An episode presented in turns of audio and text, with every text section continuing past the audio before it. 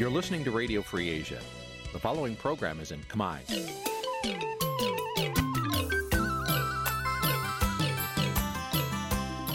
នេះជាកម្មវិធីផ្សាយ Vuthu Azizi Serai នេះជាកម្មវិធីផ្សាយរបស់ Vuthu Azizi Serai ជាភាសាខ្មែរ Vuthu Azizi Serai សូមស្វាគមន៍លោកអ្នកនាងទាំងអស់ពីរដ្ឋធានី Washington នៃសហរដ្ឋអាមេរិក ចាប់ពីរដ្ឋធានី Washington នាងខ្ញុំម៉ៅសុធានីសូមជម្រាបសួរលោកអ្នកស្ដាប់ទាំងអស់ជាទីមេត្រី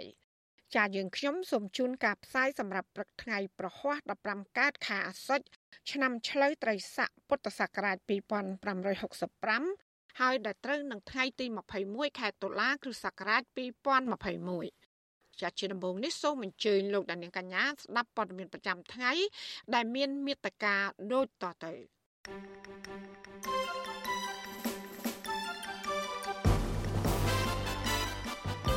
ង្គមស៊ីវិលរិះគន់លោកហ៊ុនសែនដែលតំណាងឋានៈដល់មន្ត្រីសិទ្ធិមនុស្សរដ្ឋាភិបាលខណៈដែលវិស័យនេះកំពុងធ្លាក់ចុះសហគមន៍ដីធ្លីស្នើរដ្ឋាភិបាលបញ្ឈប់ការបណ្តេញចេញដោយបង្ខំ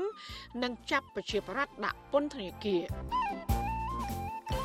សង្គមស៊ីវិលគ្រប់គ្រងអនុសាសន៍តំណាងអង្គការសហប្រជាជាតិប្រចាំកម្ពុជា ដែលស្នើរដ្ឋាភិបាលដោះស្រាយបញ្ហាដីធ្លីចាអាញាធរខេត្តបរសៃអនុសង់ប៉មការពារឆ្នេរសមុទ្រសម្រាប់យាមល្បាតគ្រោះថ្នាក់លងទឹករួមនឹងព័ត៌មានផ្សេងផ្សេងមួយចំនួនទៀតចាត់ជាបន្តទៅទៀតនេះនាងខ្ញុំម៉ៃសុធានីសូមជូនព័ត៌មានទាំងនោះពឺស្ដាប់ ចាលោកនាងជាទីមេត្រីមន្ត្រីសង្គមស៊ីវិលរិះគន់ថាការតែងតាំងនិងដំឡើងឋានៈមន្ត្រីជាង10នាក់នៃគណៈកម្មាធិការសិទ្ធិមនុស្សជាការបង្ហាញថារដ្ឋាភិបាលចូលចិត្តតែអ្នកការពារខ្លួនក៏ប៉ុន្តែមិនបានជួយការពារផលប្រយោជន៍របស់ប្រជាពលរដ្ឋនោះទេចាការតែងតាំងនេះធ្វើឡើងក្រោយដែលរបាយការណ៍របស់អ្នករាយការណ៍ពិសេសអង្គការសហប្រជាជាតិស្នើឲ្យរដ្ឋាភិបាលគ្រប់សិទ្ធិមនុស្សនិងលទ្ធិប្រជាធិបតេយ្យ ចាបន្ថែមពីនេះអង្គការគម្រោងយុទ្ធធម៌ពិភពលោកក៏បានចាត់ទុកនីតិរដ្ឋនៅកម្ពុជា នៅបាតតារាងនោះដែរចាប់ពីរដ្ឋធានី Washington លោកសេកបណ្ឌិតរាយការណ៍ព័ត៌មាននេះសមាជិកគណៈកម្មាធិការសិទ្ធិមនុស្សកម្ពុជានៃរដ្ឋាភិបាល ចំនួន12នាក់ត្រូវបានព្រះមហាក្សត្រចេញព្រះរាជក្រឹត្យតែងតាំងនិងផ្ដល់ឋានៈស្មើអនុរដ្ឋលេខាធិការរហូតដល់ឋានៈស្មើនឹងអគ្គនាយក តាមសំណើលោកនាយករដ្ឋមន្ត្រីហ៊ុនសែនចំណែកមន្ត្រី2នាក់ទៀតត្រូវបានលោកហ៊ុនសែនតែងតាំងនិងផ្ដល់ឋានៈជាគណៈកម្មាធិការសិទ្ធិមនុស្សកម្ពុជាម្នាក់ស្មើប្រធាននាយកដ្ឋាន បន្ថែមលើមុខងារបច្ចុប្បន្ននិងម្នាក់ទៀតឋានៈស្មើប្រធាននាយកដ្ឋានទោះយ៉ាងណាមន្ត្រីសង្គមស៊ីវិលងឿងឆ្ងល់ថាតើមន្ត្រីស្ថាប័នមួយនេះបំពេញការងារបានល្អបែបណាទៅ បើគេសឹងមិនដែលឃើញស្ថាប័នការពារសិទ្ធិមនុស្សមួយនេះ បានជួយការពារពលរដ្ឋរងគ្រោះដោយសារការរំលោភបំពាននោះទេ អ្នកនាំពាក្យសមាគមអាត6លោកសឹងសានករណា សង្កេតឃើញថា អ្នករាយការណ៍ពិសេសនៃអង្គការសហប្រជាជាតិនិងអង្គការសង្គមស៊ីវិលជាតិនិងអន្តរជាតិរកឃើញថារដ្ឋាភិបាលមានការរំលោភបំពានសិទ្ធិមនុស្ស ប៉ុន្តែគណៈកម្មាធិការសិទ្ធិមនុស្សកម្ពុជារបស់រដ្ឋាភិបាល តែងតែចេញមុខបដិសេធរបាយការណ៍ទាំងនោះមន្ត្រីសិទ្ធិមនុស្សរូបនេះរិះគន់ថាស្ថាប័នសិទ្ធិមនុស្សរដ្ឋាភិបាលមួយនេះហាក់បំពេញការងារដើម្បីការពាររដ្ឋាភិបាលប៉ុន្តែមិនការពារពលរដ្ឋរងគ្រោះដោយការរំលោភសិទ្ធិមនុស្សនោះឡើយ។ គណៈកម្មការសិទ្ធិមនុស្សជាតិនេះហើយនិងមន្ត្រីគណៈកម្មការសិទ្ធិមនុស្សជាតិនេះគឺឃើញតែការពារទៅលើរដ្ឋាភិបាលហើយមិនសូវជាឃើញមានការខាសពារទៅលើពាក់ព័ន្ធទៅនឹងសិទ្ធិរបស់ប្រជាពលរដ្ឋរងគ្រោះប៉ុន្មាននោះទេបាទស្រដៀងគ្នានេះដែរប្រធានអង្គការសម្ព័ន្ធគណនេយ្យភាពសង្គមកម្ពុជា លោកសនជ័យចង់ឃើញគណៈកម្មការសិទ្ធិមនុស្សកម្ពុជា របស់រដ្ឋាភិបាល បំពេញការងារ ដោយចូលរួមការពារសិទ្ធិមនុស្សនៅកម្ពុជា ជាជាងការបំពេញការងារគ្រាន់តែឆ្លើយដោះសារជំនួសអ្នករំលោភសិទ្ធិមនុស្សលោកជំរុញទៅស្ថាប័នមួយនេះឲ្យបំពេញការងារដោយមានទំនាក់ទំនងជាមួយនឹងអង្គការសង្គមស៊ីវិលជាតិនិងអន្តរជាតិដើម្បីចូលរួមលើកកម្ពស់ការគោរពសិទ្ធិមនុស្សយើងហាក់បីដូចជាឃើញថាការអន្តរាគមឬក៏ការដោះស្រាយបញ្ហា មានតម្រង់ជាការបកស្រាយការស្រាយបំភ្លឺច្រើនជាងទៅនឹងការអនុវត្តនៅទួនាទីរបស់ខ្លួន ជាពិសេសគឺក្នុងការលើកដំកើងទៅដល់បញ្ហាសិទ្ធិមនុស្សនៅកម្ពុជាជុំវិញការលើកឡើងរបស់មន្ត្រីអង្គការសង្គមស៊ីវិលបែបនេះវិទ្យុអាស៊ីសេរី មិនទាន់អាចសុំប្រតិកម្មពីអ្នកនាំពាក្យគណៈកម្មាធិការសិទ្ធិមនុស្សរបស់រដ្ឋាភិបាល លោកកតាអនបានទេ នៅថ្ងៃទី20ខែតុលាប៉ុន្តែអនុប្រធានគណៈកម្មាធិការសិទ្ធិមនុស្សនៃរដ្ឋាភិបាល និងជារដ្ឋលេខាធិការក្រសួងយុទ្ធភ័ពលោកជិនម៉ាលីនសរសេរលើ Facebook កាលពីថ្ងៃទី19តុលាថាលោកនាយករដ្ឋមន្ត្រីហ៊ុនសែននិងប្រធានគណៈកម្មាធិការសិទ្ធិមនុស្សកម្ពុជា គឺលោកកៅរេមី តែងតែផ្ដល់នៅការយកចិត្តទុកដាក់និងការលើកទឹកចិត្តចំពោះមន្ត្រីដែលខិតខំបំពេញការងារការតែងតាំងនេះក្រោយពេលដែលអង្គការគម្រោងយុទ្ធធម៌ពិភពលោកហៅកាត់ថា WJP ដែលមានមូលដ្ឋាននៅរដ្ឋធានី Washington បានចាត់ចំណាត់ថ្នាក់នីតិរដ្ឋនៅកម្ពុជា ចុះទៀបនៅបាតតារាង គឺនៅលេខរៀង138ក្នុងចំណោមប្រទេសចំនួន139ចំណែកអ្នករាយការណ៍ពិសេសថ្មី លោកវិទិតមុនតបូននៅឯកិច្ចប្រជុំក្នុងក្រុមប្រឹក្សាសិទ្ធិមនុស្សអង្គការសហប្រជាជាតិកាលពីថ្ងៃទី6ខែតុលាជំរុញឲ្យកម្ពុជា ធានាឲ្យបាននៅសិទ្ធិពលរដ្ឋនិងសិទ្ធិនយោបាយនៅមុនការបោះឆ្នោតឃុំសង្កាត់ឆ្នាំ2022និងការបោះឆ្នោតជាតិនៅឆ្នាំ2023ខាងមុខនេះលោកវិទិតមុនតបនចង់ឃើញរដ្ឋាភិបាលកម្ពុជា ធ្វើយ៉ាងណាបើកលំហសិទ្ធិសេរីភាពដើម្បីឲ្យមានកិច្ចសន្ទនា ការផ្សះផ្សាជាតិនិងការស្ដារស្ថាប័នជាតិឡើងវិញខ្ញុំបាទសេកបណ្ឌិតវិទ្យុអាស៊ីសេរីពីរដ្ឋធានីវ៉ាស៊ីនតោនចាលោកនាងកញ្ញាកំពុងស្ដាប់ការផ្សាយរបស់វិទ្យុអាស៊ីសេរីផ្សាយចេញពីរដ្ឋធានី Washington ចាសសង្គមស៊ីវិលគ្រប់គ្រងអ្នករាយការណ៍ពិសេសរបស់អង្គការសហប្រជាជាតិទទួលបន្ទុកសិទ្ធិមនុស្សដែលស្នើឲ្យរដ្ឋាភិបាលយកចិត្តទុកដាក់ដោះស្រាយបញ្ហាដីធ្លីនិងបរិស្ថាន តើមន្ត្រីរដ្ឋាភិបាលឆ្លើយតបដោយម្ដេចខ្លះចំពោះសំណើនេះចាសសេចក្តីរាយការណ៍ពីស្ដាមពីរឿងនេះលោកណានៀងនឹងបានស្ដាប់នាពេលបន្តិចទៀតនេះចាសសូមអរគុណ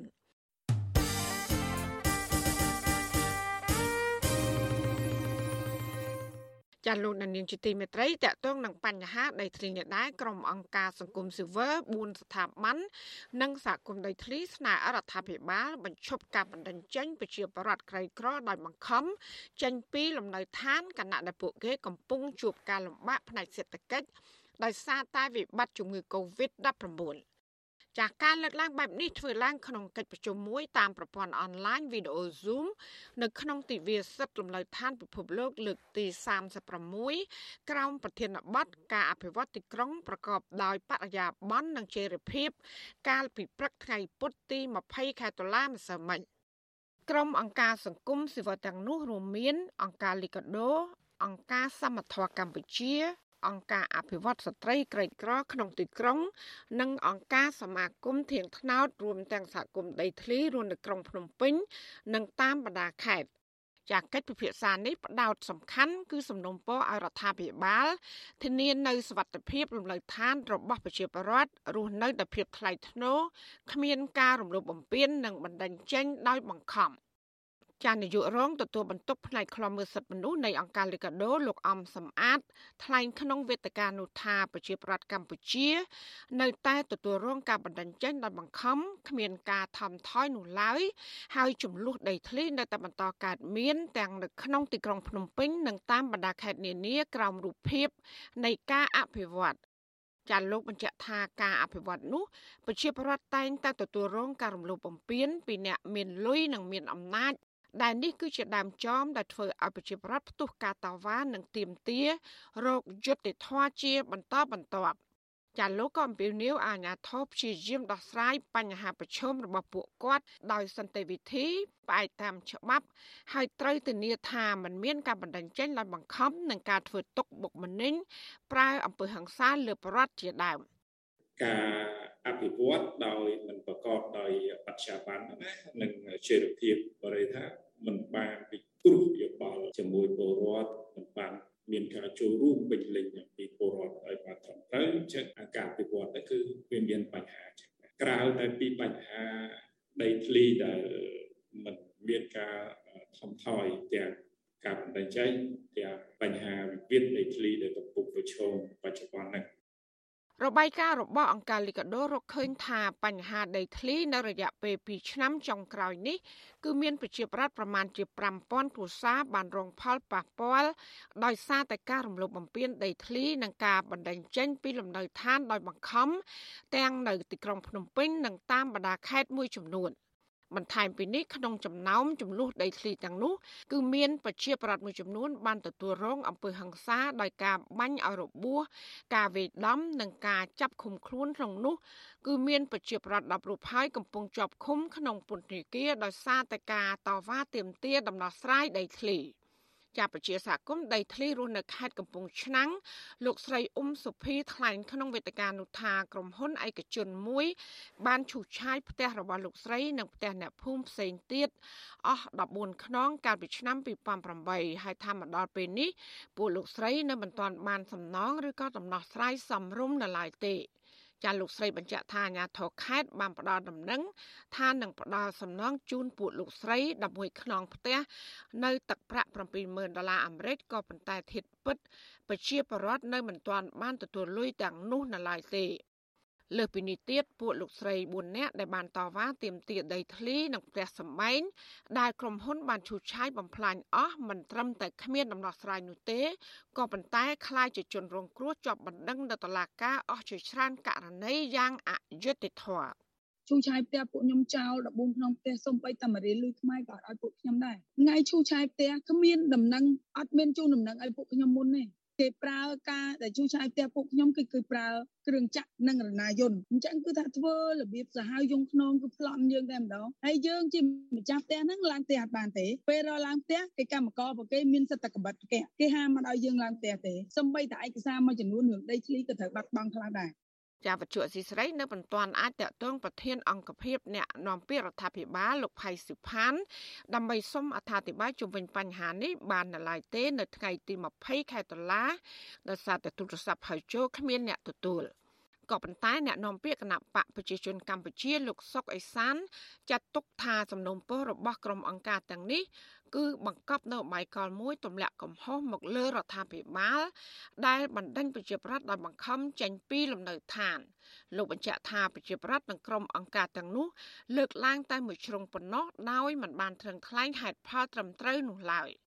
ទន្ទឹមនឹងនេះលោកថាប៉ះសិនបាបរដ្ឋមិនបានប្រព្រឹត្តកំហុសដោយសង់ផ្ទះលើដីសាធារណៈរបស់រដ្ឋនិងដីឯកជនប៉ះពាល់ដល់សិទ្ធិអ្នកដទៃទេគឺគ្មានការបណ្ដឹងចេញនោះឡើយ។ លោកក៏បានទទួលស្គាល់ថាប្រទេសមានការអភិវឌ្ឍជាបំផុត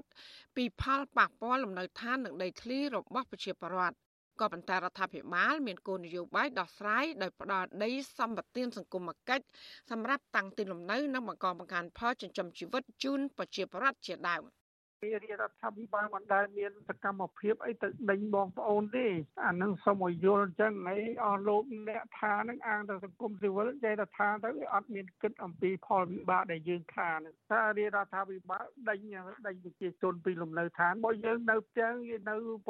10លាននាក់មានតាណាទៅដេញផ្ទះនៅតែផ្ទះតាគឺថាភូមិស្ថានយើងនៅតែបើអត់មានកំណោះអីវាអត់មានបញ្ហាទេ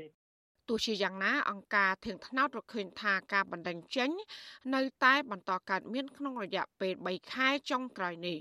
ចាអង្គការសមាគមធៀងថ្នោតបានចេញផ្សាយនៅរបាយការណ៍ស្រាវជ្រាវស្ដីពីការបណ្ដឹងចេញ ដោយរកឃើញថាដំណើរការនៃការបណ្ដឹងចេញភាគច្រើនមិនត្រូវបានអនុវត្តស្របតាមគោលការណ៍ណែនាំនិងបទដ្ឋានសិទ្ធិមនុស្សដែលបានចែងដោយអង្គការសហប្រជាជាតិនោះឡើយ។ ក្រៅពីនេះមានករណីជាច្រើនអាជ្ញាធរពំបានជូនដំណឹងឲ្យសមហេតុផល ដល់សហគមន៍មុនពេលបណ្ដឹងចេញនោះឡើយហើយមានសហគមន៍ផ្សេងផ្សេងជាច្រើនទៀតត្រូវបានកំណត់គោលដៅដោយប្រើអំពើហិង្សាឬការបំផិតបំភ័យអំឡុងពេលបណ្ដឹងចេញចាររបាយការណ៍បន្តថានៅថ្ងៃទី20ខែមិថុនាឆ្នាំ2020អាជ្ញាធរបានយកគ្រឿងចាក់ទៅឈូសឆាយលំនៅឋានរបស់ប្រជាពលរដ្ឋនៅសហគមន៍បឹងឈូកអេអស់13គ្រួសារ ដោយបំបានពិគ្រោះយោបល់ជាមួយប្រជាពលរដ្ឋនោះឡើយលើសពីនេះនៅដើមខែមិថុនាឆ្នាំ2020ប្រជាពលរដ្ឋប្រមាណ100គ្រួសារត្រូវបានបណ្ដឹងចេញដោយបង្ខំពីទីជម្រករបស់ពួកគេនៅចំកណ្ដាលបឹងតាម៉ោកដោយមន្ត្រីនគរបាល និងអាជ្ញាធរខណ្ឌព្រែកភ្នៅក្រុងភ្នំពេញ ជានាយកប្រតិបត្តិនៃអង្គការសមាគមធៀងថ្នោតលោកសឿងសារ៉នបានថ្លែងក្នុងរបាយការណ៍ដោយអំពាវនាវឲ្យបញ្ឈប់ការបណ្តេញចេញនៅគ្រប់រូបភាពក្នុងអំឡុងពេលរាលដាលនៃជំងឺ Covid-19 ពីព្រោះប្រជាពលរដ្ឋបានបាត់បង់ការងារនិងប្រាក់ចំណូល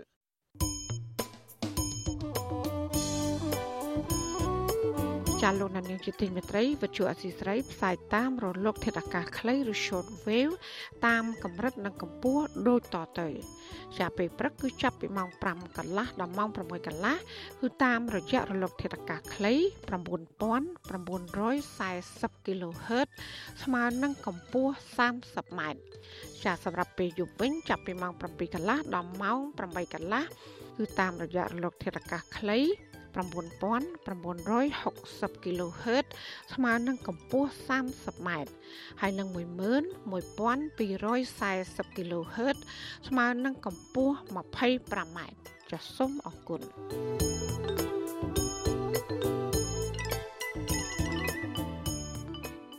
ចាលោកនាងជាទីមេត្រីតកតងនឹងចំនួនដីធ្លីនេះដែរសាឡាវតក្រុងភ្នំពេញសម្រាប់លើកពេលសវនាការជំនុំជម្រះក្តីលើបណ្ដឹងរបស់ប្រជាប្រដ្ឋខេត្តកំពង់ឆ្នាំងដែលមានចំនួនដីធ្លីរ៉ាំរ៉ៃជាមួយក្រុមហ៊ុន KDC របស់អ្នកស្រីជាខេងដែលជាភរិយារដ្ឋមន្ត្រីក្រសួងរ៉ែនិងធម្មពលលើកទៅពេលក្រោយ ចាការសម្រេចនេះធ្វើឲ្យក្រុមតំណាងសហគមន៍ឡពីងខកចិត្តជាលើកទី2ពីព្រោះពួកគាត់ត្រូវខាតបង់ពេលវេលានិងចំណាយថវិកាអស់ជាច្រើនដើម្បីធ្វើដំណើរពីខេត្តកំពង់ឆ្នាំងមករាជធានីភ្នំពេញតាមដីកាកោះរបស់តុលាការម្ដងម្ដងចាប់ពីរដ្ឋធានី Washington លោកសនច័ន្ទរដ្ឋារាយការណ៍ព័ត៌មាននេះប្រធានក្រុមប្រឹក្សាជំនុំជម្រះនៃសាលាធរលោកយូបាណានៅថ្ងៃទី20ខែតុលាសម្រាប់លើកពេលកាក្តីក្នុងសំណុំរឿងរដ្ឋបវេនី អ្នកភូមិលពីងនៅខេត្តកំពង់ឆ្នាំងដែលប្តឹងសុំមកកភាពកិច្ចព្រមព្រៀងក្រុមហ៊ុន KDC ទៅពេលក្រោយហើយផ្លាស់ប្តូរសមាជិកចៅក្រមថ្មីចំនួនវិញការសម្រេចនេះធ្វើឡើងទៅតាមការស្នើសុំរបស់ចៅក្រមម្នាក់ដែលអះអាងថាខ្លួនត្រូវជាបងប្អូនជីដូនមួយជាមួយលោកផាត់ពើសៀងដែលជាមេធាវីរបស់អ្នកស្រីជាខេងប្រធានក្រុមហ៊ុន KDC នៅក្នុងនីកាកោះរបស់សាលាធរកំណត់អស់សាក់សីដែលបានចូលខ្លួនមកតុលាការដោយគ្មានផ្ដល់ហេតុផលត្រឹមត្រូវត្រូវពិន័យជាប្រាក់1លានរៀល ចំណែកភេកីដើមមិនដឹងមិនចូលខ្លួនបំភ្លឺវិញតុលាការអាចទទួលស្គាល់សេចក្តីសម្អាងរបស់ភេកីម្ខាងទៀតថាជាការពិតដោយផ្អែកតាមមាត្រា140នៃក្រមនីតិវិធីរដ្ឋបវេនីតំណាងពលរដ្ឋម្នាក់ក្នុងចំណោម8នាក់ដែលចំណាយពេលអង្គុយរងចាំបើកសវនាការជាង3ម៉ោងលោកស្ងួនញឿនថ្លែងថានេះជាលើកទី2ហើយដែលសាលាធរពន្យាពេលកាក្តីជូនពលរដ្ឋលពៀងលោកមិនសប្បាយចិត្តនឹងតឡាការចង់ខ្ពស់មួយនេះទេ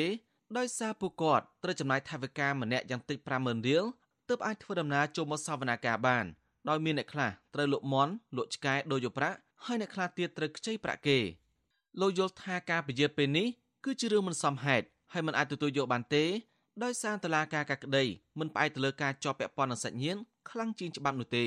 បើចំពោះខ្ញុំវិញខ្ញុំអត់គិតចឹងទេអាទោះបងប្អូនទោះសាច់ញាតិដែរឲ្យតែចៅក្រមនឹងឲ្យតែបរិញ្ញានឹងឬក៏អាមេធាវីនឹងឈលលើគោលការណ៍ច្បាប់សូមឲ្យកាត់តែម្ដងអត់មានគិតរឿងបងប្អូនបើយើងគិតរឿងបងប្អូនធ្វើតឡាការធ្វើអីអត់កើតទេមិនគិតរឿងបងប្អូនចឹងធ្វើច្បាប់អត់កើតទេបាទរយយុទ្ធធម៌ជួបជាប្រវត្តិកើតទេបើរឿងគិតថាបងប្អូនចឹងបាទបើច្បាប់គេអត់មាននិយាយរឿងបងប្អូនទេគឺគឺនិយាយរឿងច្បាប់បាទនេះបាទនេះពេញចំចិត្តរបស់ខ្ញុំឯណាបាទឈរជាកដាលជុំវិញរឿងនេះអ្នកសម្របសម្រួលគម្រោងធុរកិច្ចនិងសិទ្ធិមនុស្ស នៃមជ្ឈមណ្ឌលសិទ្ធិមនុស្សកម្ពុជាលោកវ៉ាន់សុផានសង្កេតឃើញថាករណីប្រឹងផ្ដោតវិវាទដីធ្លីទៅតុលាការរវាងបរិវត្តក្រីក្រជាមួយនឹងខាងក្រុមហ៊ុនគឺមានភាពខុសគ្នាឆ្ងាយទាំងការចាប់ផ្ដើមអនុវត្តនីតិវិធីនិងដំណើរការរឿងក្តីលោកបន្តថារមិនដឹងចេញពីខាងក្រុមហ៊ុនគឺតុលាការតែងចាត់ការលឿនជាងមិនដឹងរបស់បរិវត្តក្រីក្រដែលជាម្ចាស់ដីលោកយល់ថាដើម្បីលើកកម្ពស់នីតិរដ្ឋក្នុងប្រទេសឲ្យបានល្អប្រសើរតុលាការគួរពិចារណាពិនិត្យមើលលទ្ធភាព ដើម្បីឲ្យដំណើរការរឿងក្តីនេះអាចប្រព្រឹត្តទៅបានដោយរលូនហើយផ្ដល់ភាពយុត្តិធម៌ពិតប្រាកដជូនដល់ភាគីគូទំនាស់ខ្ញុំសង្ឃឹមថានៃលោកសាលាការដែលជាអ្នករូបយុទ្ធធម៌ជួបជាបរដ្ឋនឹងសូមលោកមេត្តាធ្វើយ៉ាងម៉េចដើម្បីប្រកាស ថាជាទូនាទីក្នុងការរកយុទ្ធធម៌ផ្ដល់ជូនប្រជាពលរដ្ឋដល់ដោយមានតម្លាភាពហើយគិតគូរដល់ពីអតីតជីវភាពរស់នៅរបស់ប្រជាពលរដ្ឋផងព្រោះថាមកម្ដងម្ដងគាត់ចំណាយពេលមិនតិចទេហើយបែរជាខកពេលម្ដងពីរដងទៅវិញទៅហើយហ្នឹងវាជាការខកចិត្តរបស់ពួកគាត់ហើយយើងក៏ដូចជាអង្គការសង្គមស៊ីវិលយ៉ាងដែរក៏យើងបានមើលឃើញករណីហ្នឹងកើតឡើងជាច្រើនដែរចំពោះអតីតប្រជាពលរដ្ឋដែលរងផលប៉ះពាល់ដីធ្លីក៏ដូចជាសកម្មជនបរិស្ថានសកម្មជនដីធ្លីដទៃទៀតដែរបាទ កាលពីខែធ្នូឆ្នាំ2020អ្នកភូមិឡពីនាំគ្នាបង់ប្រាក់ជិត30ម៉ឺនរៀលនៅសាលាធររាជធានីភ្នំពេញតាមដីកាបង្កប់របស់តុលាការដើម្បីដំណើរការក្តីក្នុងសំណុំរឿងរដ្ឋបវេនីសូមមកភាពកិច្ចព្រមព្រៀងជាមួយអ្នកស្រីជាខេងដែលជាប្រពន្ធរដ្ឋមន្ត្រីក្រសួងរាយនិងធម្មពលលោកសុយសែមកាលពីឆ្នាំ2014ការប្តឹងទៅតុលាការចុងខ្ពស់មួយនេះគឺក្រោយពេលដែលសាលាដំបងរាជធានីភ្នំពេញកាលពីខែកក្កដាឆ្នាំ2020សម្រាប់បដិសេធចោលម្ដងរបស់ពលរដ្ឋនៅខេត្តកំពង់ឆ្នាំង ដែលមានចំនួនដីធ្លីជាមួយអ្នកស្រីជាខេងនៅក្នុងសំណុំរឿងរដ្ឋបវេនីសមោគភាពកិច្ចព្រមព្រៀងជាមួយក្រុមហ៊ុន KDC កិច្ចព្រមព្រៀងឬក៏សំណងគោលនយោបាយដែលបានចុះផ្សាយក្នុងកាសែតកោះសន្តិភាពកាលពីថ្ងៃទី18ខែកញ្ញាឆ្នាំ2014សរសេរថាក្រុមហ៊ុន KDC បានផ្ដល់ថវិកាឲ្យតំណាងពលរដ្ឋម្នាក់ឈ្មោះរេសេម៉ា7000ដុល្លារសម្រាប់សំណងការឈូសឆាយផ្ទះសម្បែងនិងផលដំណាំហើយថវិកា10000ដុល្លារផ្សេងទៀត ជាថ្នូរទៅនឹងការបញ្ឈប់សកម្មភាពចេញដើរតវ៉ារឿងដីធ្លីប្រឆាំងនឹងក្រុមហ៊ុន KDC របស់អ្នកស្រីជាខេងដែលជាប្រពន្ធលោកសុយសែមរដ្ឋមន្ត្រីក្រសួងរាយនិងធម្មពលប៉ុន្តែខាងបរដ្ឋថាពួកគាត់មិនដែលទទួលបានទឹកប្រាក់ដោយការចុះផ្សាយនោះម្ដងណាទេក្រមប្រជាប្រដ្ឋទទួលស្នើសុំឲ្យសាលាធរពលនីតិវិធីកាក្តីសម្រាប់រឿងនេះឲ្យបានឆាប់ដោយផ្ដល់ភាពត្រឹមត្រូវយុត្តិធម៌និងតម្លាភាពជូនប្រជាក្រីក្រដែលបានបាត់បង់ដីស្រែដោយការរំលោភយកដីពីក្រុមហ៊ុន KDC របស់អ្នកស្រីជាខេងខ្ញុំសនចាររថាវិទ្យុអាស៊ីសេរីរាយការណ៍ពីរដ្ឋធានីវ៉ាស៊ីនតោនលោកអ្នកនាងកញ្ញាកំពុងស្ដាប់ការផ្សាយរបស់វិទ្យុអាស៊ីសេរីផ្សាយចេញពីរដ្ឋធានី Washington ចាស់សាច់ញាតិអ្នកជាប់ឃុំស្នើសុំឲ្យសាលាតោខេត្តត្បូងឃ្មុំដោះលែងអ្នកនយោបាយនិងសកម្មជនដីធ្លីទាំងអស់ឲ្យមានត្រី ភាពឡើងវិញក្រោយតែបានបើកសវនកម្មចាប់សពគ្រប់កាលពីថ្ងៃទី20ខែតុលាម្សិលមិញ ចាសង្គមស៊ីវិលមើលឃើញថាការដោះលែងអ្នកជាប់ឃុំក្នុងសំណុំរឿងនយោបាយនេះគឺនឹងជួយឲ្យកម្ពុជាអាចស្ដារមុខមាត់ផ្នែកនីតិរដ្ឋឡើងវិញសូមលោកអ្នកនាងកញ្ញារងចាំស្ដាប់សេចក្តីរាយការណ៍អំពីរឿងនេះនាពេលបន្តិចទៀតនេះចាសសូមអរគុណ thank you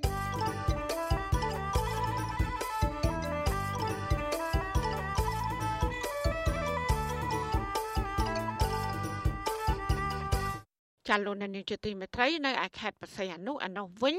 មន្ត្រីជំនាញកំពុងពិនិត្យជ្រើសរើសទីតាំងសម្រាប់សាងសង់ប៉មឆ្មាំសមុទ្រ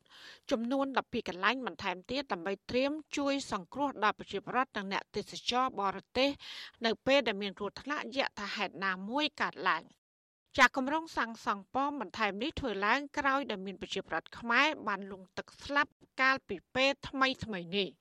អ្នកនាំពាក្យរដ្ឋបាលខេត្តបរសៃអនុលោកខៀងភិរមបានប្រាប់កាសែតក្នុងស្រុកថាលោកគូចចម្រើនអភិបាលខេត្តបរសៃអនុនិងមន្ត្រីជំនាញនៃក្រសួងរៀបចំដែនដីបានចុះទៅពិនិត្យ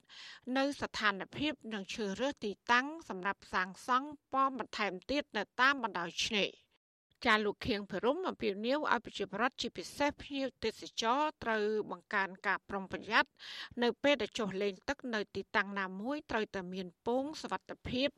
និងកុំចុះលេងទឹកសមុទ្រនៅកន្លែងណាដែលមានរលកធំធំ និងទឹកជ្រៅ។ ចាលោកបន្តថាជីវករលក់ដូរនៅតាមឆ្នេរត្រូវតែចូលរួមថែរក្សាអនាម័យបរិស្ថានតាមទីតាំងរបស់ខ្លួនឲ្យបានស្អាតជាប្រចាំពីព្រោះបរិស្ថានស្អាតអាចតាក់ទាញភ្ញៀវទេសចរនិងបង្កើនចំណូលបានថែមទៀតដោយសារតែភ្ញៀវត្រូវការភាពស្អាតនិងបរិស្ថានល្អ។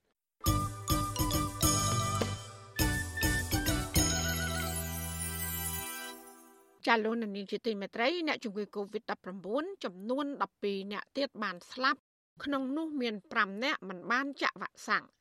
ចាចំពោះករណីឆ្លងថ្មីវិញគឺមានជិត200នាក់ក្នុងនោះ31នាក់ជាករណីនាំចូលពីក្រៅប្រទេសចាកិត្តត្រឹមព្រឹកថ្ងៃទី20ខែតុលាកម្ពុជា មានអ្នកកើតជំងឺ Covid-19 សរុបជាង117,000នាក់ក្នុងនោះ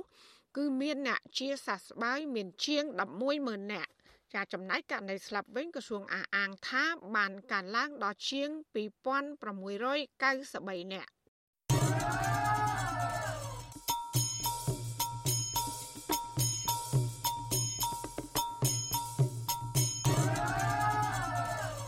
ចាលោកនាងជាទីមេត្រីសារមន្ទីរសិល្បៈ Denver ក្រុងនឹងបញ្ជូនវត្ថុបុរាណចំនួន4ទៅឲ្យកម្ពុជាវិញបន្ទាប់ពីមានការផ្សព្វផ្សាយព័ត៌មាន ថាវត្ថុបុរាណទាំងនោះពាក់ព័ន្ធនឹងអ្នកជួញដូរវត្ថុបុរាណដែលត្រូវបានលួចនាំចេញពីកម្ពុជា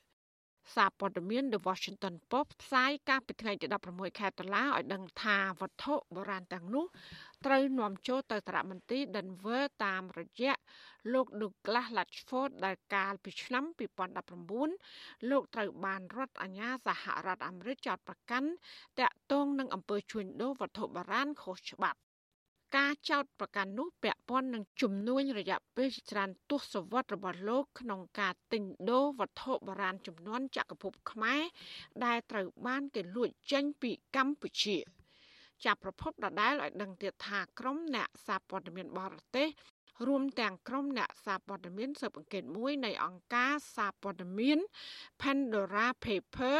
បានផ្សព្វផ្សាយព័ត៌មានស៊ើបអង្កេតពីវត្ថុបុរាណដែលជាប់តាក់ទងនឹងចំនួនខុសច្បាប់របស់លោកឌូក្លាចាពួកគេបានតាក់ទងទៅសារមន្ទីរ Denver កាលពីខែមិថុនានិងធ្វើបច្ចុប្បន្នភាពម្ដងទៀតកាលពីខែកញ្ញាភ្លាមភ្លាមនោះសារមន្ទីរ Denver ក៏បានយកវត្ថុបុរាណទាំង4នោះចេញពីកន្លែងដាក់តាំងវត្ថុបុរាណរបស់ខ្លួន បើតាម Washington Post អាញាធរកម្ពុជាធ្លាប់បានស្នើសុំវត្ថុបុរាណទាំង4នោះម្ដងហើយកាលពី9ឆ្នាំមុនគឺភ្លាមភ្លាមក្រោយដល់លោក Douglas ត្រូវបានចោទប្រកាន់ប៉ុន្តែសារមន្ទីរនេះបានបដិសេធ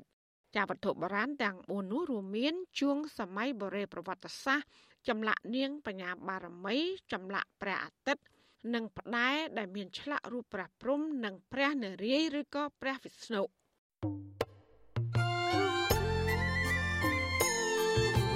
ចាលោកនាងកញ្ញាជាទីមេត្រីក្រៅតែពីការតាមដាន កម្មវិធីផ្សាយរបស់វិទ្យុអាស៊ីសេរី តាមបណ្ដាញសង្គម Facebook YouTube Telegram លោកអ្នកក៏អាចតាមដាន កម្មវិធីផ្សាយរបស់យើង តាមរយៈបណ្ដាញសង្គម Instagram របស់អាស៊ីសេរីបាន តាមរយៈតំណ link www.instagram.com/rfa ខ្មែរ ចាអាស៊ីសេរីនឹងបន្តខិតខំផ្សព្វផ្សាយព័ត៌មានពិត ទៅកាន់បងប្អូនតាមរយៈបណ្ដាញសង្គមផ្សេងផ្សេងនិងសម្បូរបែបដើម្បីឲ្យលោកអ្នកនាងងាយស្រួលតាមដានការផ្សាយរបស់អសីស្រីគ្រប់ពេលវេលា ហើយគ្រប់ទីកន្លែងតាមរយៈទូរស័ព្ទដៃរបស់លោកអ្នកចាសសូមអរគុណ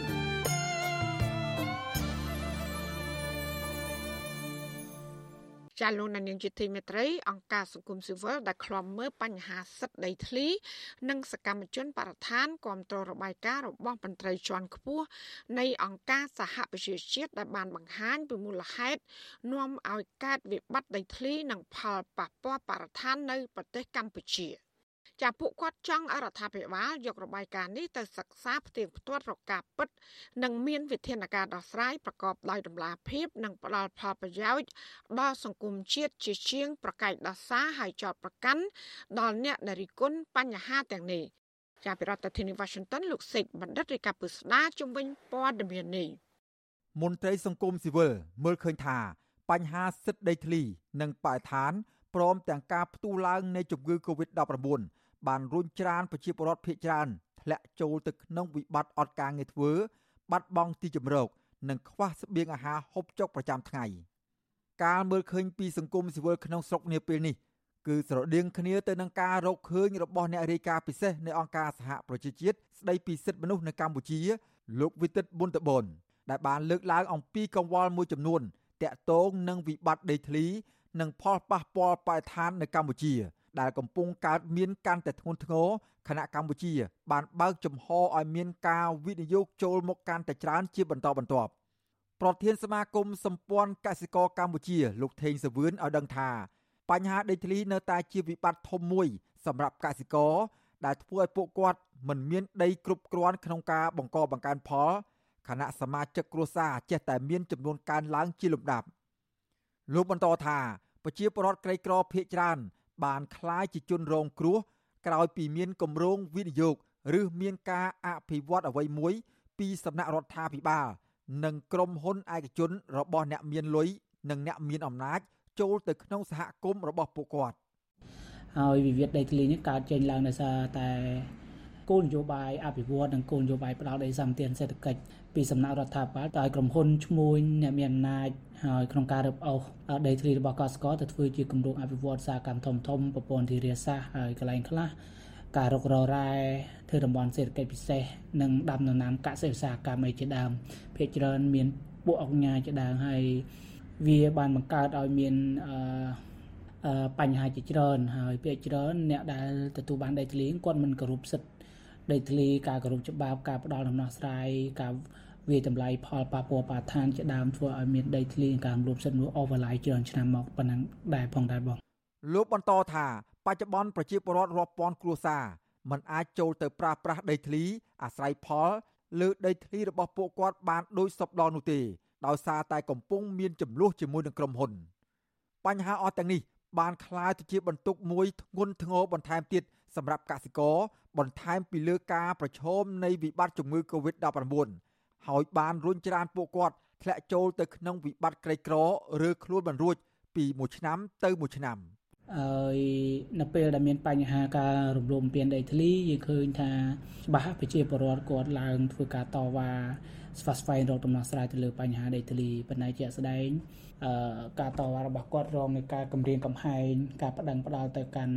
ហើយមានសកម្មជនដីធ្លីពិសេសគឺក្រមស្ត្រីភាគច្រើនហើយនឹងអ្នកការពារសិទ្ធិមនុស្សអ្នកតស៊ូមតិលើបរិស្ថាននេះគាត់ក៏រងនៅការចាប់ខ្លួនក៏ដូចជាការចោទប្រកាន់តាមសំណាក់ប្រព័ន្ធតឡាការផងដែរការលើកឡើងបែបនេះ ធ្វើឡើងក្រោយពេលដែលអ្នករាយការណ៍ពិសេសនៃអង្គការសហប្រជាជាតិស្ដីពីសិទ្ធិមនុស្សនៅកម្ពុជា លោកវិទិតមុនតបូនបានបង្ហាញក្តីកង្វល់មួយចំនួននៅឯកិច្ចប្រជុំនៅក្នុងក្រុមប្រឹក្សាសិទ្ធិមនុស្សអង្គការសហប្រជាជាតិកាលពីថ្ងៃទី6ខែតុលាកន្លងទៅថាការប្រគល់ប្រជែងដណ្ដើមដីធ្លី និងធនធាននៅក្នុងវិស័យសេដ្ឋកិច្ចដែលកំពុងរីកលូតលាស់គឺជាចំណុចងាយកើតមានចំនួនក្នុងរយៈពេលប្រមាណឆ្នាំចុងក្រោយនេះ និងបង្កទៅជាបញ្ហាប្រឈមដល់ការអភិរក្សព្រៃឈើនិងធនធានធម្មជាតិផ្សេងផ្សេងទៀតទាំងនេះវាបានជាប់ពាក់ព័ន្ធទៅនឹងការបណ្ដេញចេញដោយបង្ខំនិងការផ្លាស់ប្ដូរទីលំនៅរបស់ប្រជាសហគមន៍ដែលមានប្រាក់ចំណូលទាបនិងក្រមជនជាតិដើមភាគតិចពលរដ្ឋក្រីក្ររស់នៅក្នុងទីក្រុង កំពុងត្រូវបានគេរុញច្រានឲ្យទៅឆ្ងាយពីតំបន់មានការអភិវឌ្ឍឬជាតំបន់ពាណិជ្ជកម្ម អ្នករាយការណ៍ពិសេសនៃអង្គការសហប្រជាជាតិរូបនេះសង្កេតឃើញទៀតថា កំណើនសេដ្ឋកិច្ចក៏ជាការដាក់សម្ពាធលើតំបន់បៃតងដែលនៅសេសសល់បញ្ហានេះបានផ្ដល់នូវផលលំបាកនៅក្នុងការដោះស្រាយព្រោះជាប់ពាក់ព័ន្ធនឹងការត្រួតស៊ីគ្នា រវាងដីប្រពៃណីទំនៀមទម្លាប់របស់អ្នកភូមិនិងដីតំបន់ការពាររបស់រដ្ឋសកម្មភាពអាជីវកម្មលើដីទាំងនោះធ្វើឡើងដោយវិស័យធុរកិច្ច ក្លាយជាកត្តាជំរុញធ្វើឲ្យប៉ះពាល់ដល់ជីវភាពរបស់ប្រជាសហគមន៍ក្រីក្រមន្ត្រីសម្របសម្រួលគម្រោងធុរកិច្ចនិងសិទ្ធិមនុស្សនៃមជ្ឈមណ្ឌលសិទ្ធិមនុស្សកម្ពុជាហៅកាត់ថា CCHR លោកវ៉ាន់សុផាតថ្លែងថាការរកឃើញនេះជាការឆ្លុះបញ្ចាំងនៅការពិតដែលកំពុងកើតមាននៅក្នុងសង្គមបច្ចុប្បន្ន។ ហើយអញ្ចឹងស្របគ្នានៅពេលហ្នឹងគឺថាកំណើននៃការអភិវឌ្ឍចូលមកយ៉ាងគំហុកក្នុងគណៈដែលប្រព័ន្ធគ្រប់គ្រងដីធ្លីខាងរដ្ឋបាលដីធ្លីហ្នឹងមិនទាន់មានប្រព័ន្ធរឹងមាំនៅឡើយអានេះវាកើតឡើងជាអឺតំណោះដីធ្លីដែលកាន់តែកើតមានជាបន្តបន្ទាប់មកហ្នឹងហើយភាគច្រើនអ្នកដែលរងផលប៉ះពាល់ហ្នឹងគឺប្រជាពលរដ្ឋដែលមិនទាន់មានបានកម្មសិទ្ធិអង្គការសិទ្ធិមនុស្សលីកាដូរកឃើញថា ការបំពេញយកដី និងការចាប់ខ្លួនសកម្មជនដីធ្លីគ្មានការថមថយទេ នៅរយៈពេល2ឆ្នាំនៃអំឡុងពេលឆ្លងជំងឺ Covid-19 អង្គការនេះចេញផ្សាយរបាយការណ៍ជាវីដេអូខ្លីមួយកាលពីថ្ងៃទី17ខែតុលាឆ្នាំ2021ដោយបង្ហាញថារយៈពេល2ឆ្នាំចុងក្រោយនៃអំឡុងពេលរីករាលដាលនៃជំងឺ Covid-19 នេះប្រជាពលរដ្ឋប្រមាណជាង5000គ្រួសាររងផលប៉ះពាល់ពីការបំពានយកដីលើពីនេះ មានសមាជិកសហគមន៍និងសកម្មជនដីធ្លីយ៉ាងតិចណាស់ចំនួន21នាក់ត្រូវបានឃាត់ខ្លួន ហើយក្នុងនោះមាន10នាក់កំពុងជាប់ឃុំឃាំងនៅក្នុងពន្ធនាគារចរន្តនៃការវិនិយោគនៅកម្ពុជានាដំណាក់កាលចុងក្រោយនេះក្រៅពីធ្វើឲ្យកើនឡើង នៅវិបត្តិដីធ្លីជាមួយនឹងប្រជាពលរដ្ឋបញ្ហាដដែលនេះក៏នៅមានកត្តាជាច្រើនទៀតដែលធ្វើឲ្យប៉ះពាល់យ៉ាងខ្លាំងទៅដល់ព្រៃឈើបរិស្ថាន និងជីវៈចម្រុះផងដែរ។ យុវជនជាសកម្មជនបរិស្ថាន លោកសានម៉ាឡាមើលឃើញថា ក្នុងដំណាក់កាលចុងក្រោយនេះលោកមើលឃើញបញ្ហាប្រឈមធំពីរសម្រាប់បរិស្ថាន គឺការកាប់បំផ្លាញព្រៃឈើនៅក្នុងតំបន់ព្រៃការពារនិងការអភិវឌ្ឍដោយលុបបង្ធម្មជាតិសំខាន់សំខាន់ក្នុងតំបន់ទីក្រុង ដើម្បីសាងសង់អគារពាណិជ្ជកម្មនិងផ្ទះល្វែងលក់លោកថាការអភិវឌ្ឍដោយលុបបង្ធម្មជាតិនេះរដ្ឋាភិបាល និងក្រមអ្នកវិនិយោគ អាចមើលឃើញពីផលចំណេញក្នុងរយៈពេលខ្លីប៉ុន្តែពួកគេមិនបានមើលពីផលប៉ះពាល់ក្នុងរយៈពេលយូរអង្វែងនោះឡើយប៉ុន្តែការវិវត្តដែលមើលឃើញតែផលចំណេញរយៈពេលខ្លីបែបហ្នឹងខ្ញុំគិតថាជារឿងដែលមិនអាចទទួលយកបានទេត្បិតមនុស្សនិងមនុស្សមិនឆ្លោះគ្នាប៉ុន្តែការធ្វើបែបហ្នឹងវាប៉ះពាល់ទៅដល់បរិស្ថាននៅក្នុងរយៈពេលវែងលោកវិទិតមុនតបនបង្ហាញថា ការអភិវឌ្ឍដែលជោគជ័យនឹងទទួលបានផលចំណេញទាំងអស់គ្នាលុះត្រាតែមានវិធានការបង្ការដូចជាការពិនិត្យមើលផលប៉ះពាល់និងកាត់បន្ថយហានិភ័យនានា ការសាងសង់និងការធ្វើទំនើបកម្មពាក់ព័ន្ធដែលមិនបណ្ដាលឲ្យប៉ះពាល់ដល់បរិស្ថានលុះត្រាតែមានការពិនិត្យផ្ទៀងផ្ទាត់នៅក្នុងដំណើរការនៃការអភិវឌ្ឍនោះឲ្យបានត្រឹមត្រូវនិងច្បាស់លាស់ជាមុនសិនគោលការណ៍ណែនាំស្ដីពីធុរកិច្ច និងសិទ្ធិមនុស្សរបស់អង្គការសហប្រជាជាតិជំវិញការអនុវត្តក្របខ័ណ្ឌការពារការគោរពនិងផ្ដល់សំណងត្រូវដាក់ចេញនៅទិសដៅសម្រាប់ការអភិវឌ្ឍដែលគ្រប់គ្នាចង់បានគម្រោងការអភិវឌ្ឍទាំងនោះចាំបាច់ត្រូវដាក់បញ្ចូលនៅគោលការណ៍សិទ្ធិមនុស្សទៅក្នុងហេតុប៉ះពាល់បរិស្ថាន ដែលត្រូវធ្វើឡើងមុនការអនុវត្តគម្រោងតកតទៅនឹងរឿងនេះវិទ្យុអាស៊ីសេរី មិនទាន់អាចសុំការពន្យល់ពីអ្នកនាំពាក្យក្រសួងបរិស្ថាន លោកនេតភត្រា និងអ្នកនាំពាក្យរដ្ឋាភិបាលលោកផៃសិផានបានទេ កាលពីថ្ងៃទី20ខែតុលាប៉ុន្តែអ្នកនាំពាក្យគណៈកម្មាធិការសិទ្ធិមនុស្សរបស់រដ្ឋាភិបាលកម្ពុជា លោកកតាអន ថាជំហររដ្ឋាភិបាលកម្ពុជានឹងមិនទទួលយកអនុសាសន៍ទាំងឡាយណា ដែលផ្ទុយពីការពិតនៅកម្ពុជានោះទេ លោកចាត់ទុកអនុសាសន៍ទាំងនោះថាមានចរិតនយោបាយ និងជ្រៀតជ្រែកកិច្ចការផ្ទៃក្នុងរបស់កម្ពុជា កាលពីខែធ្នូឆ្នាំ2020អតីតអ្នករាយការណ៍ពិសេសអាណត្តិមុន បានផ្ញើលិខិតទៅកាន់អាជ្ញាធរពាក់ព័ន្ធនឹងបញ្ហាចំនួនដីធ្លី រវាងសហគមន៍មូលដ្ឋាន និងអាជ្ញាធរដោយសារតែផលប៉ះពាល់អាជីវកម្មក្នុងការអភិវឌ្ឍការធ្វើពាណិជ្ជកម្មដីធ្លី និងធនធានដែលពាក់ព័ន្ធតំបន់ចំនួនដីធ្លីខ្លះ មាននៅជុំវិញក្រុងភ្នំពេញ និងតាមបណ្ដាខេត្តមួយចំនួនទៀត ដីដែលមានចំនួនទាំងនោះរួមមានដីលិចទឹក ដែលមានតួនាទីយ៉ាងសំខាន់ដល់ប្រព័ន្ធអេកូឡូស៊ីសកម្មភាពទាំងឡាយដែលបណ្ដាលឲ្យខូចខាតរួមមាន ការចាក់ដីលុបបឹងដែលអាចធ្វើឲ្យមានការរិះគន់និងការគំរាមកំហែងនៃទឹកជំនន់ពាក់ព័ន្ធនឹងរឿងនេះអាជ្ញាធរបានឆ្លើយតបទៅអតីតអ្នករាយការណ៍ពិសេសអង្គការសហប្រជាជាតិថាវិធានការបង្ការដូចជាការវិយតម្លៃអំពីផលប៉ះពាល់បរិស្ថានត្រូវបានធ្វើឡើង ហើយអាជ្ញាធរក៏បានផ្ដល់ផ្ទះដល់ក្រុមគ្រួសារដែលរងផលប៉ះពាល់ផងដែរពាក់ព័ន្ធនឹងការអះអាងបែបនេះមន្ត្រីសិទ្ធិមនុស្សនិងអ្នកខ្លំមើលបរិស្ថានអះអាងថាវិធានការទាំងនេះឃើញមានតែត្រឹមតែជាគោលការណ៍ប៉ុណ្ណោះប៉ុន្តែការអនុវត្តជាក់ស្ដែងពុំមានឡើយ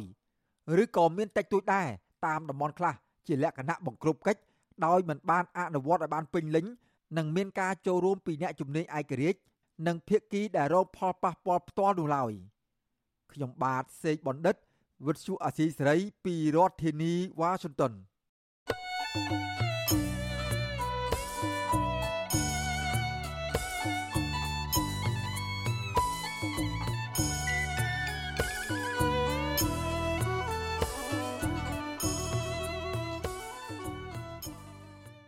ចាលោកនានីជាទីមេត្រីមជ្ឈដ្ឋានជាតិនិងអន្តរជាតិ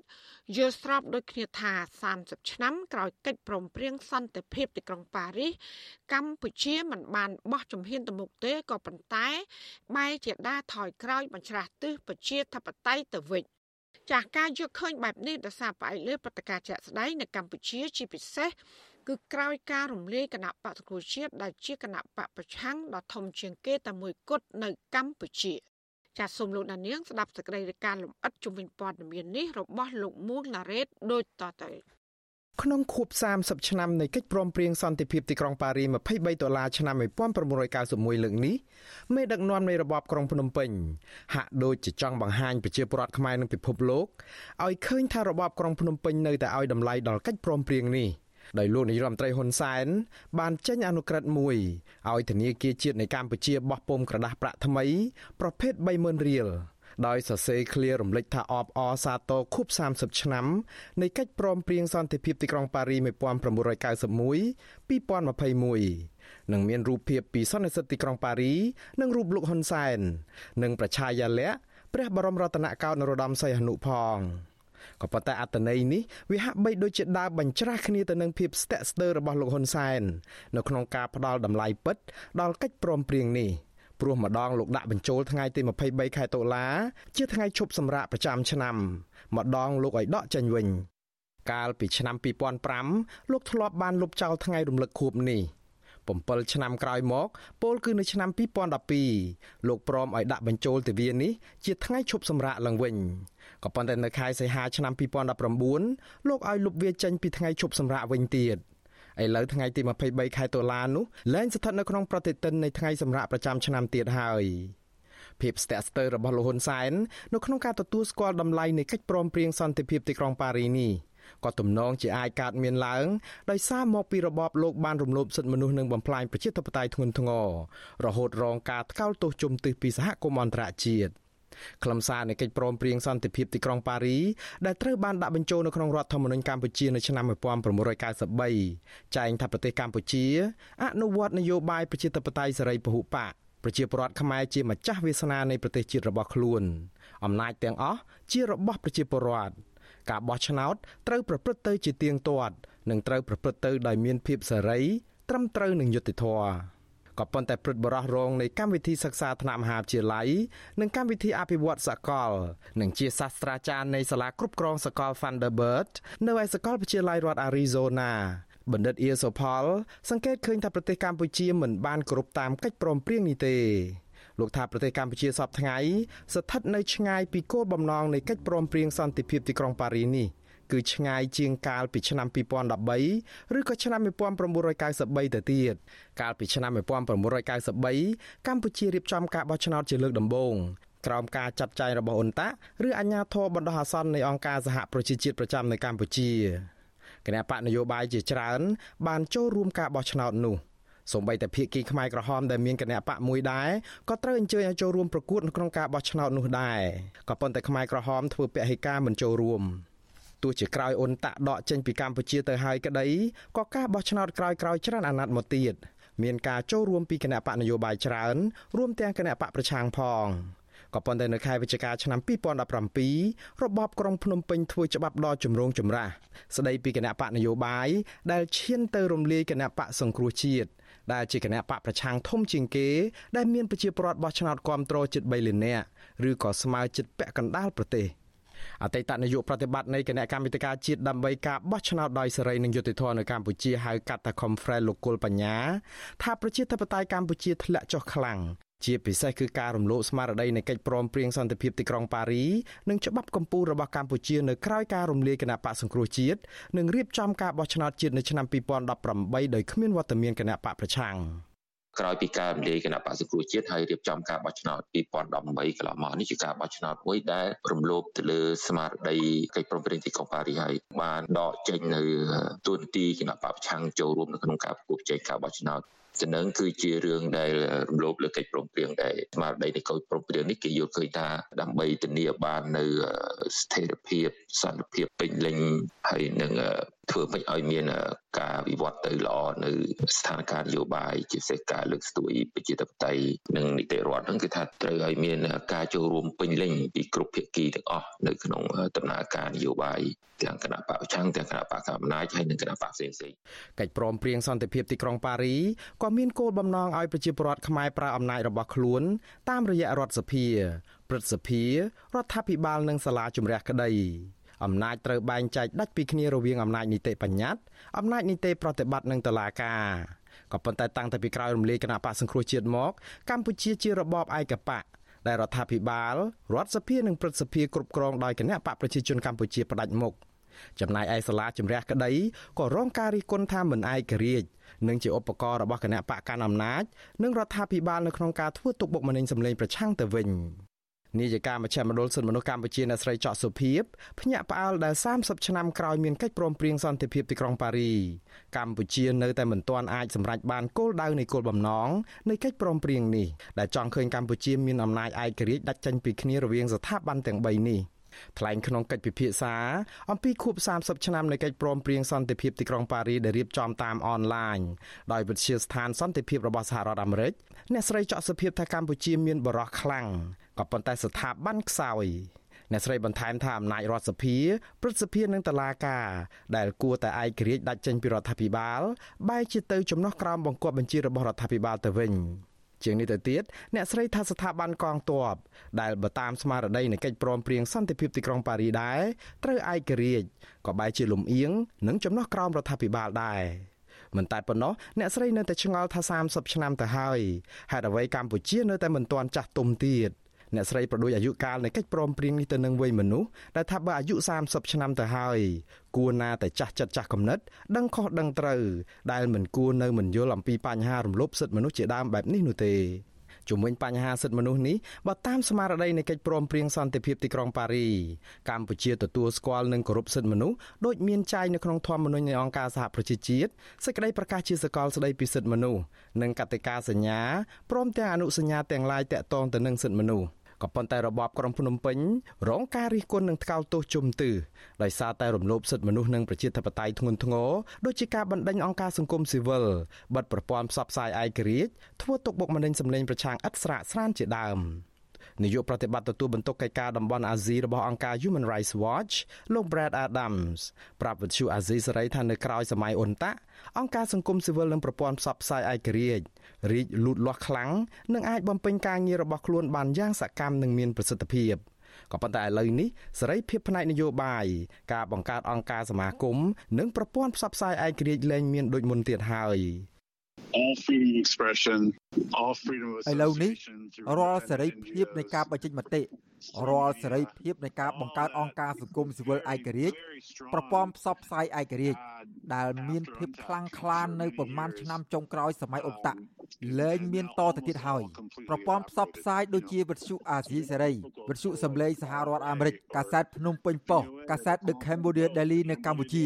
បិទអស់ហើយ អង្គការសង្គមស៊ីវិលណាដែលហ៊ានរិះគន់រដ្ឋាភិបាលត្រូវគេផ្ដន់ទោសអ្នកនយោបាយបកប្រឆាំងត្រូវគេចាប់ដាក់គុកកម្ពុជាសពថ្ងៃខ្លាចជាកម្ពុជា ដែលមិនធ្វើតាមស្មារតីនៃកិច្ចព្រមព្រៀងសន្តិភាពទីក្រុងប៉ារី the Paris agreements and UNTAP ក្រោយមានកិច្ចព្រមព្រៀងសន្តិភាពទីក្រុងប៉ារីកម្ពុជាបានប្រែមុខមាត់ថ្មីទាំងផ្នែកអភិវឌ្ឍសេដ្ឋកិច្ចនិងប្រជាធិបតេយ្យការប្រែមុខមាត់ទាំងនេះកើតមានឡើងក៏ដោយសារតែមានការជួយជ្រោមជ្រែងខ្លាំងពីសហគមន៍អន្តរជាតិជាពិសេសប្រទេសប្រជាធិបតេយ្យសេរីសេដ្ឋកិច្ចកម្ពុជាកើនឡើងរហូតដល់ទៅ7%នៅក្នុងមួយឆ្នាំក៏ប៉ុន្តែអ្វីអ្វីបានប្រែប្រួលអស់ដោយសារតែអេរយាប័តដើរបញ្ច្រាស់ទិសរបស់មេដឹកនាំរបបក្រុងភ្នំពេញ មានសំណួរជាច្រើន ចោទសួរថាតើហេតុដូចម្ដេចបានជាលោកនាយរដ្ឋមន្ត្រីហ៊ុនសែនជ្រើសរើសយកផ្លូវបញ្ច្រាស់នេះបណ្ឌិតអៀសផល សង្កេតឃើញថាលោកហ៊ុនសែននិងគណៈបកប្រជាជនកម្ពុជា តែងតែគិតថាពួកគាត់ ជាម្ចាស់វាសនាប្រទេសកម្ពុជាផ្ដាច់មុខតាំងតែពីទសវត្សរ៍ឆ្នាំ1980មកម្លេះលោកថាមហិច្ឆតានេះត្រូវបានរៀបរៀងខ្លះក្រោយមានកិច្ចព្រមព្រៀងសន្តិភាពទីក្រុងប៉ារីក៏ប៉ុន្តែលោកបន្តថាដល់ឆ្នាំ2018របបក្រុងភ្នំពេញអស់ភាពអត់ធ្មត់ និងសម្រេចចិត្តច្បាមយកប្រទេសកម្ពុជាមកក្តាប់នៅក្នុងដៃផ្ដាច់មុខទាល់តែបានទោះក្នុងតម្លៃណាក៏ដោយលោក Brad Adams ឯណោះវិញយល់ថាកត្តាដែលអាចធ្វើឲ្យលោកហ៊ុនសែនហ៊ានប្រព្រឹត្តបំពានទាំងរដ្ឋធម្មនុញ្ញកម្ពុជានិងស្មារតីនៃកិច្ចព្រមព្រៀងសន្តិភាពទីក្រុងប៉ារី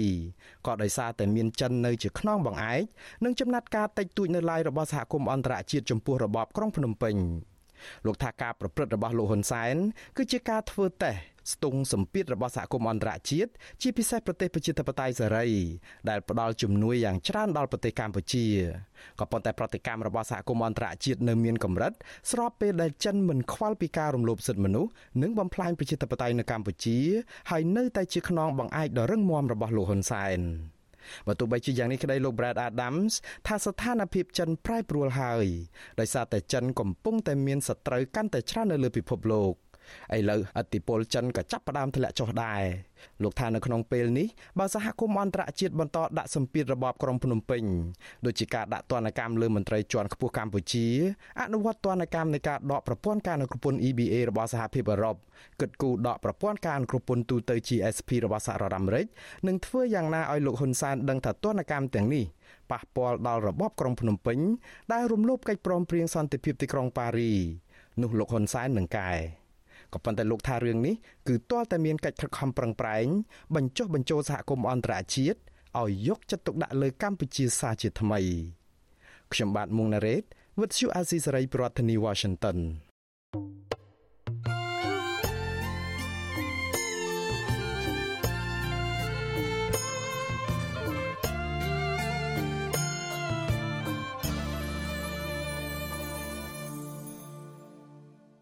ចាលោកនាយកជាទីមេត្រីនៅឯខេត្តត្បូងឃ្មុំឯនោះវិញ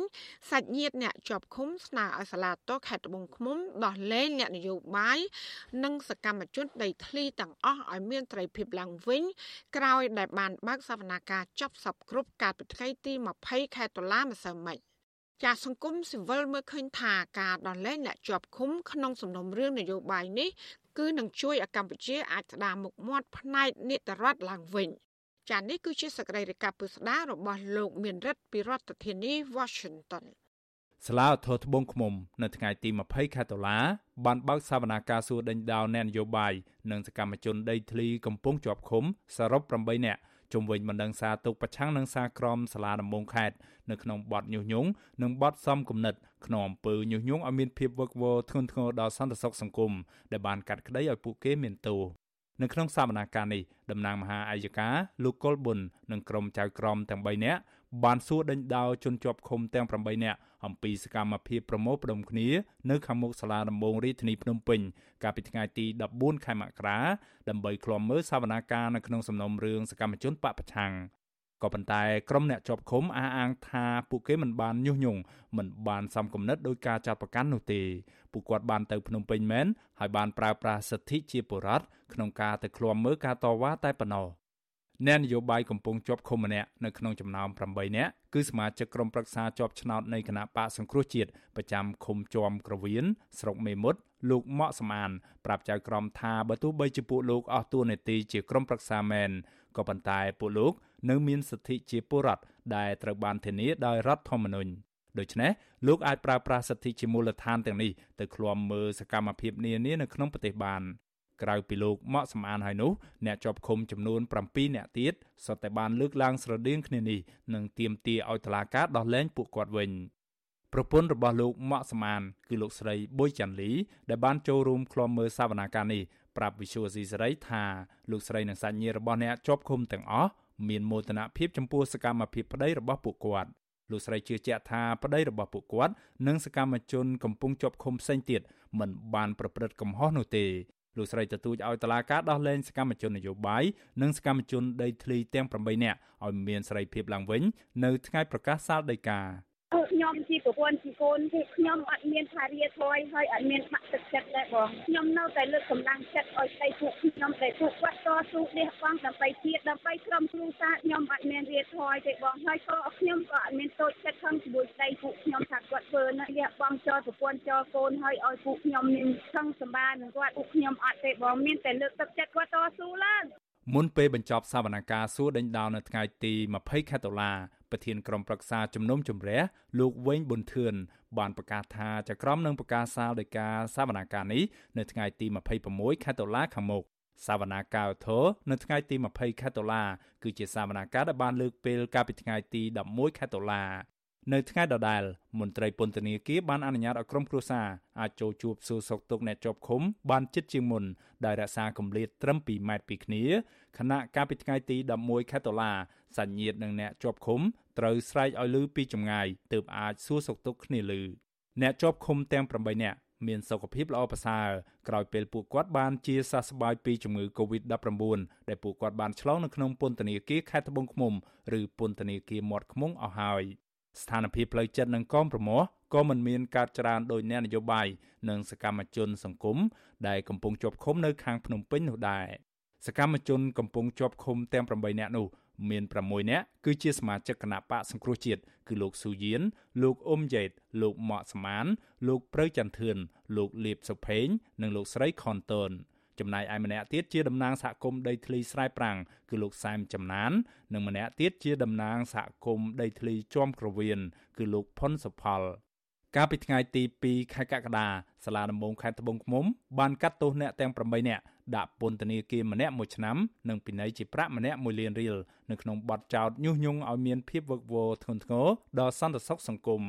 នៅក្នុងសំណុំរឿងដដែលនេះតឡាការក៏បានចេញដោយការស្វែងរកនិងចាប់ខ្លួនតំណាងរាស្ត្រជាប់ឆ្នោតរបស់គណៈបពប្រឆាំងគឺលោកវណ្ណារិទ្ធនិងមន្ត្រីបពប្រឆាំងនៅតាមមូលដ្ឋានចំនួន5នាក់ផ្សេងទៀតគឺលោកស៊ូយេនលោកតាំងសុផុនលោកញឹមថនលោកជាយ៉ាម៉នលោកឃ្លិចវីនៅក្នុងបទញុះញង់ឲ្យមានភាពវឹកវរធ្ងន់ធ្ងរដល់សន្តិសុខសង្គមដូចគ្នា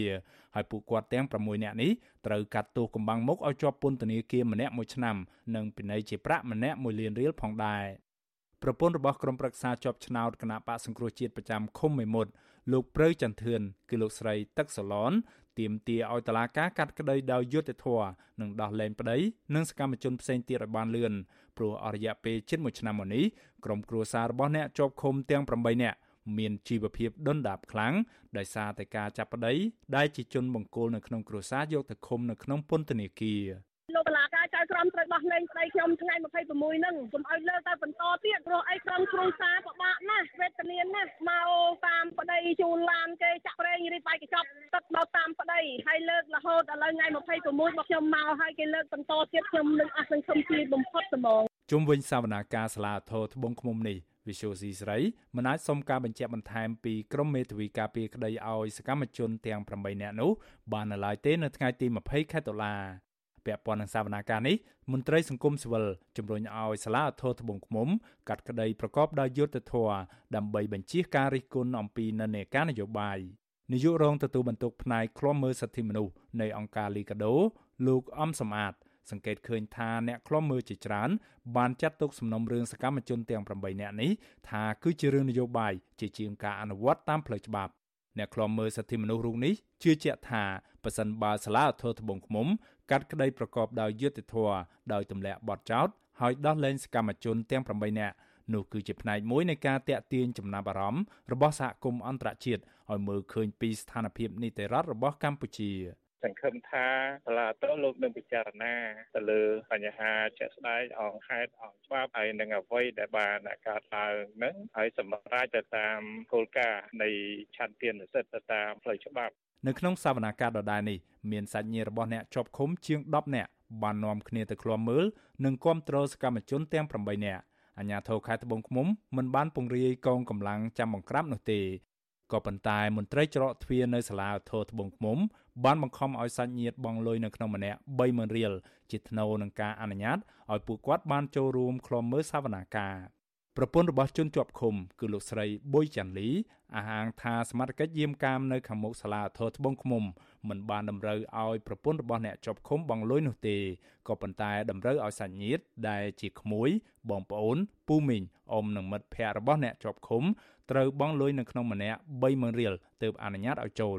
ពួកគាត់បានសុំអង្វរសមត្ថកិច្ចនៅច្រកទ្វារសុំបង់ប្រាក់ម្នាក់10000រៀលព្រោះពួកគាត់ក្រីក្រនិងចង់ចូលជួបសាច់ញាតិជាប់ឃុំនៅក្នុងសវនាការគេសុំឈ្មោះសុំយល់លេខទូរស័ព្ទអីចឹងពីដំបូងគេសុំអញ្ចឹងទៅដល់ហើយគេថាគេយល់លុយក្នុងម្នាក់30000ហើយពួកខ្ញុំថាពួកខ្ញុំអត់មានលុយទេព្រោះអីមកនេះប៉ាឡានគេទេបើ10000ពួកខ្ញុំអើយបើ3 40000ពួកខ្ញុំអត់មានទេដល់អញ្ចឹងទៅគេយល់ម្នាក់10000បងអស់ជាង100,000បង វិសុវស៊ីស្រីមិនអាចតាក់ទងแนะនាំពាក្យក្រសួងយុទ្ធភ័ពលោកចិនម៉ាលីនបាននៅឡើយទេជុំវិញករណីយកលុយពីសាច់ញាតិជាថ្នូវដើម្បីអនុញ្ញាតឲ្យចូលរួមឃ្លាំមើលសវនកម្មនេះក៏ប៉ុន្តែអ្នកការពារសិទ្ធិមនុស្សអះអាងថាករណីទារប្រាក់នេះគឺជាអំពើខុសច្បាប់លោកអមសមាតពន្យល់ថាมันមានច្បាប់ណាមួយតម្រូវឲ្យមន្ត្រីតុលាការយកលុយពីសាធារណជន ជាពិសេសគឺសាច់ញាតិនៅក្នុងការចូលរួមសវនាការនោះទេ លោកថាមន្ត្រីដែលបង្ខំឲ្យសាច់ញាតិជនជាប់ឃុំបងប្រាក់នោះត្រូវតែទទួលខុសត្រូវនៅចំពោះមុខច្បាប់ខ្ញុំបាទមេរិត Visual C ស្រីរាយការណ៍ពីរដ្ឋធានី Washington